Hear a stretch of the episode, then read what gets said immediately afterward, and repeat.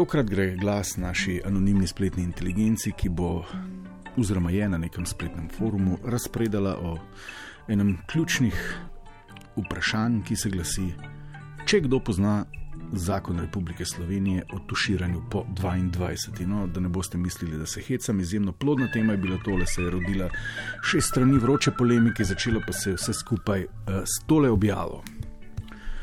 Pozdravljeni, ali pozna kdo zakon eh, RS Republike Slovenije v zvezi s tuširanjem po noči po 22. uri in pred 6. uro. Je dovoljeno ali ne? Tisti, ki ste kdaj živeli v garsonjeri v bloku, kjer je bila ena skupna stena iz le opeke in ne cementa in je mejila na kopalnico sosedov, me boste razumeli. Lep pozdrav!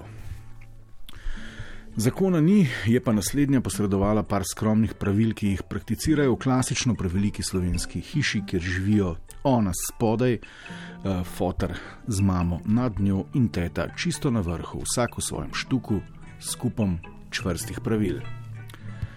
Sem pa v hiši. V kleti imam svojo garsonjerco, oče je v zgornjem štuku, teta v najvišjem. Glede miru v hiši imamo jasna navodila, nobenih obiskov, govorjenja, niti govorjenja po telefonu po 22 uri.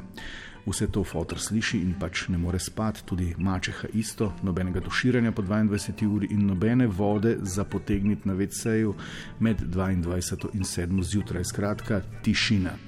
Meni se to zdi grozno, ampak na to sem se mogla navaditi. Imamo še veliko pravil glede vode, elektrike, ampak to je drugo. Glede hrupa je to pač seveda pogoj, če hočeš živeti v naši hiši, tudi po dnevi, ko oče počiva, če se s kom pogovarjam ali se smejim. Na glas hitro dobim SMS, tišina, prosim. Tako da meni osebno to ni normalno, ampak sem se navadila, drugi ste pač ekstra občutljivi. Skratka, na vse, tudi na najbolj ostra pravila se da navaditi. Bo treba zapustiti gnezdo, uh, stkano iz pravil in se preseliti v blok, ampak kaj, ko imaš tudi tam pravilničarje in pravilničarke.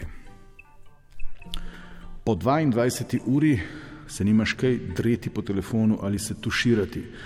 Tako stara si že, pa ti to še ni jasno. Sterat bi te moral oče nekam.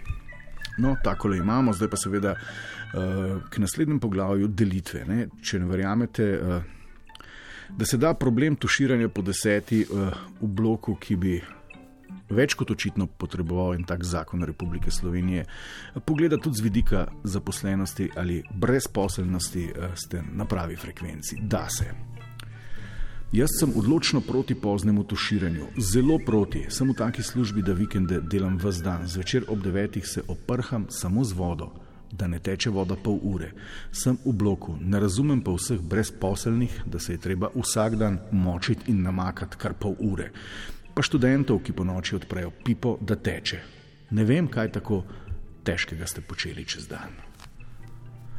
Brezposelni namakači in študentje, ki po preslanih picah ob desetih zvečer po noči odpirajo pipe. Huje kot komarji v teh dneh.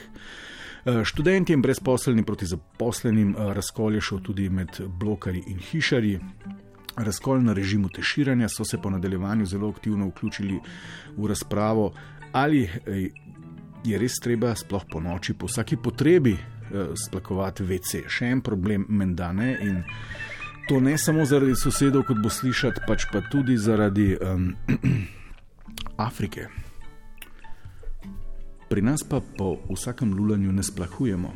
Zdi se mi kriminalno, ker gre ob vsakem splakovanju 5 litrov pitne vode. Kar nekaj ljudi v Afriki bi rešilo to pred smrtjo. Samo tri smo tri ženskega spola in gremo v povprečju na dan tudi po desetkrat na WC mož, seveda pol manj, a vseeno izračunajte si, koliko litrov pitne vode gre. Meni se zdi to smrtni greh, objestno sebično, zato se tega ne gremo. Po lulanju punc potegnemo vodo enkrat na tri ure, von ni intenziven in školka je poklopljena. Vest mi ne narekuje splakovanja s pitno vodo štirikrat na dan. Eh, dve muhi na en mah, preprečevanje afriške dehidracije in dobri odnosi s sosedino, ampak eh, da ne pretiravamo, se vedno najde tudi srednja pot. In tole je poročilo te prakse, h kateri vsi stremimo: tuširanje, pranjanje, pranje in uklapljanje pralnega stroja po uh, doktrini srednje poti. Dokler sem bila v bloku, sem šla pod tuš, ko mi je pasalo. Če sem prišla domov po 22, pač takrat je ena parkrat soseda rekla, da je slišala tuš. No, od takrat sem malo bolj pazila, da se nisem tuširala s premočnim curkom.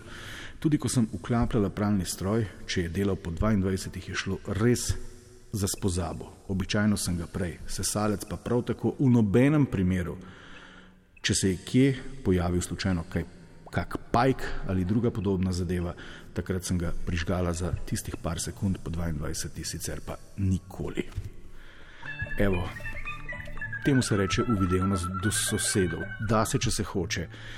To, da je pa kje kak pajek ali podobna zadeva po 22, pa i tako vsi sosedje zelo dobro razumemo. No in čisto na koncu dobimo skozi vse te odvode in meandre debate o zakonu o toširanju Republike Slovenije še zgodbo. Uh, za vse tiste, ki naštekate potrebe po pubertetniškem nažiganju eh, v tesni povezavi s tem. Moja starša sta bila ponižna in po jajcih hodila.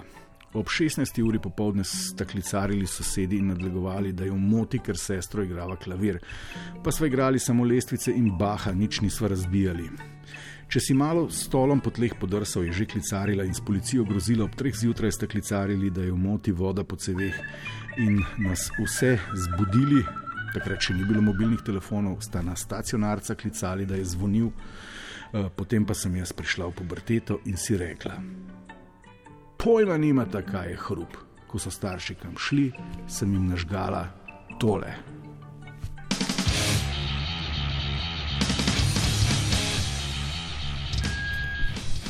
In kaj se je zgodilo? Ena se je odselila, druga pa ni več upala težiti. Nauk zgodbe.